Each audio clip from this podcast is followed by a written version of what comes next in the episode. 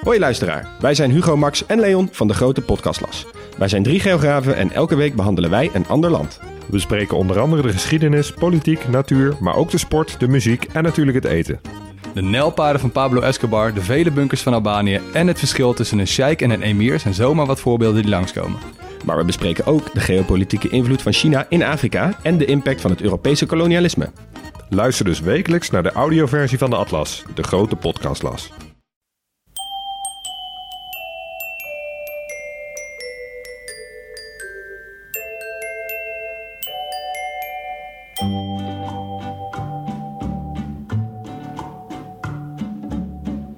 Welkom bij aflevering 36 van de Echt Gebeurd podcast, waar echt gebeurde verhalen worden verteld door mensen die het zelf hebben meegemaakt. In deze aflevering een verhaal van Jan Hiddink. Dit verhaal werd opgenomen tijdens een speciale editie van Echt Gebeurd tijdens het festival Five Days Off. Het thema was uitgaan.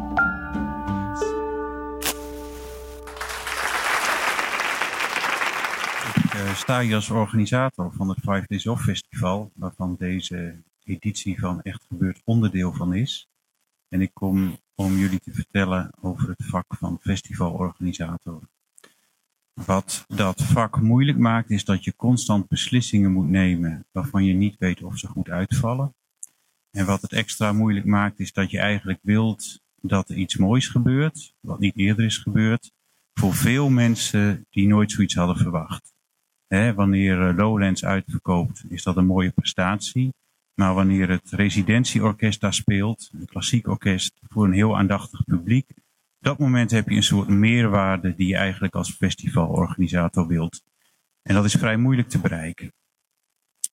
Nu was het zo dat in, uh, in 2009, we zaten toen nog in juli met dit festival, er zich een mogelijkheid voordeed om Chris Cunningham te programmeren. Chris Cunningham is een Engelse um, videokunstenaar die is doorgebroken met uitzinnige clips die hij heeft gemaakt bij de muziek van FX Twin, Engelse elektronica. En was het bericht, Chris Cunningham zou op ons festival kunnen komen spelen. Nou, Melkweg had toen net een nieuwe Rabozaal, een perfecte zaal om zoiets te doen, iets te doen wat je nooit eerder hebt gedaan. En ook die naam Chris Cunningham zou wel eens garant kunnen staan om zeg maar die artistieke prestatie te volbrengen. Je laat iets zien wat zonder dit festival niet te zien zou zijn. En mensen vinden het prachtig en er komen heel veel mensen. Of dat ook zou gebeuren was heel moeilijk te zeggen. Hij was al vier, vijf jaar een beetje van de radar. Hij deed goed betaalde reclames voor Gucci en anderen. Wat hij ging doen was een beetje onduidelijk. Ja, een mix van oud en nieuw en audiovisueel. En de vraag of hij het al eerder had gedaan. Ja, vijf jaar geleden in Japan. Voor 25.000 Japanners. Nou, daar heb je niets aan. We zijn gaan rekenen. Five Days Off was toen voor het eerst een zelfstandige organisatie. We zaten in het kunstenplan van de gemeente. We hadden wat geld. Rekenen, nog eens rekenen. Een bord gedaan. Ik had zelf op dat moment als organisator nog nooit zoveel geld uitgegeven voor één act. En ik had geen enkele garantie dat het goed zou komen. We moesten gewoon de moed erin houden en dit durven. Wordt gedaan, wekenlang niets gehoord.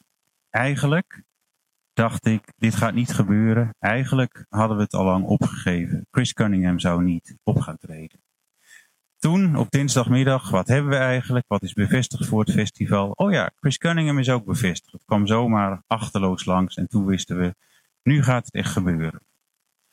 Wat we toen hebben gedaan in die nieuwe zaal, in die Rabozaal, was um, mijn gevoel zei, we moeten in ieder geval zelf dit goed doen. Het mag niet aan ons liggen dat dit gaat mislukken. Wij gaan ervoor zorgen, dit wordt onze Koninginnedag. Wij zijn Spakenburg, hij is de koningin, dit komt goed. We hebben dat voorbereid, heel grondig voorbereid. Vragen, doorvragen, niet akkoord gaan met de eerste uh, geruststellende woorden. En in dat opzicht hadden we het gewoon goed op de rails. In de communicatie met Engeland bleef het angstvallig stil. Um, wij boden stageplan A aan, stageplan B. In die mogelijkheden moest het volbracht worden. En daar kwam geen duidelijk antwoord op. Op vrij heldere vragen van ons bleef het stil, bleef het ontwijkend, waardoor je gaandeweg het idee kreeg, die productie rammelt. Ze weten misschien niet wat ze gaan doen. Ze weten misschien niet um, waar ze aan beginnen. En je zit in een situatie dat het onmogelijk is om daarop natuurlijk antwoord te krijgen. De deal is gesloten.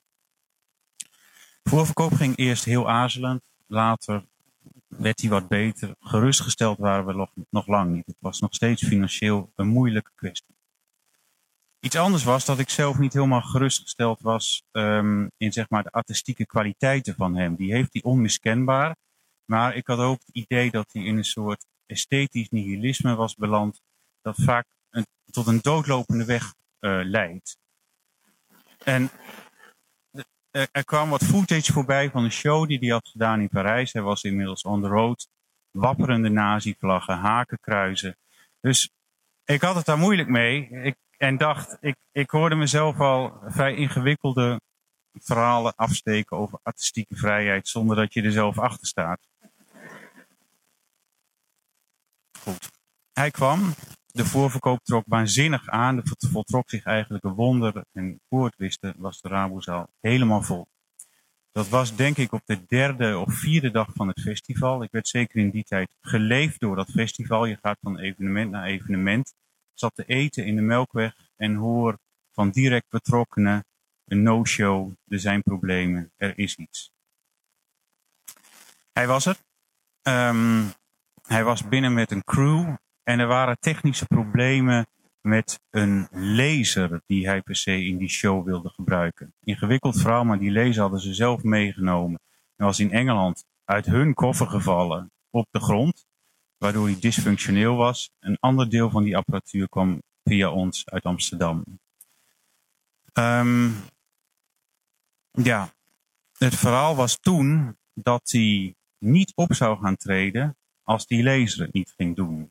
Extra mankracht ingehuurd. Doet de lezer het? Ja, de lezer doet het.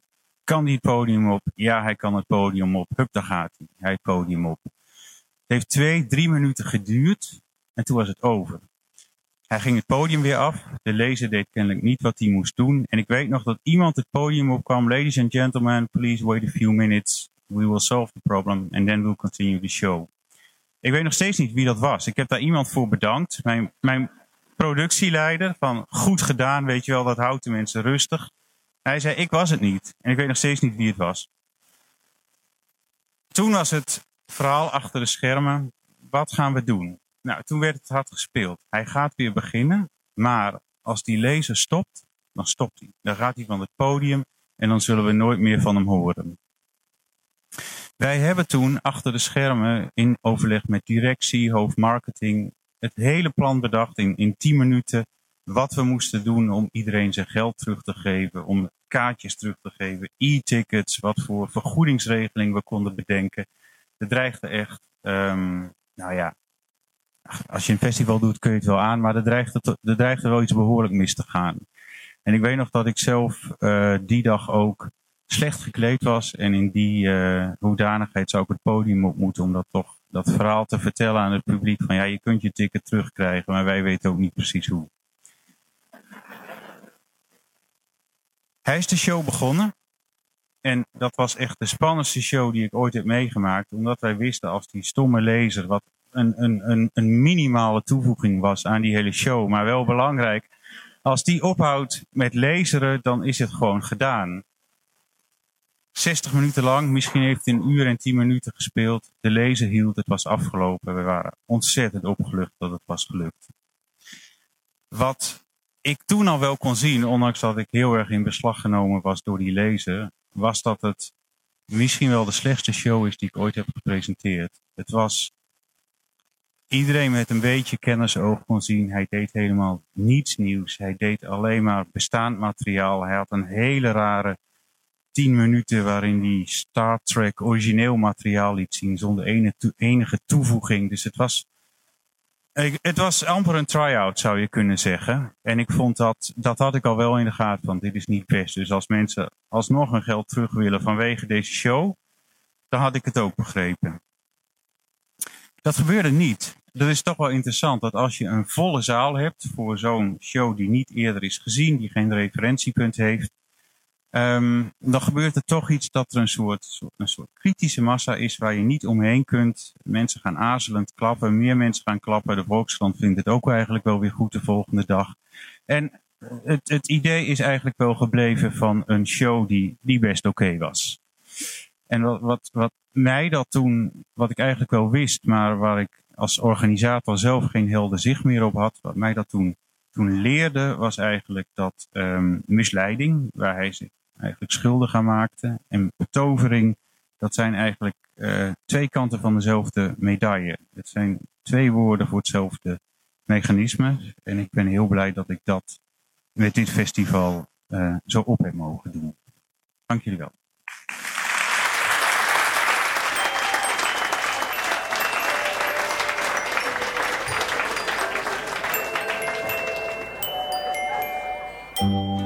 Dat was het verhaal van Jan Hiddink. En zoals duidelijk is, organiseert Jan Five Days Off, waar dit verhaal werd opgenomen. Normaal gesproken vindt Echt Gebeurd maandelijks plaats in Toemler onder het Hilton Hotel in Amsterdam. De volgende reguliere Echt Gebeurd is op zondagmiddag 16 september.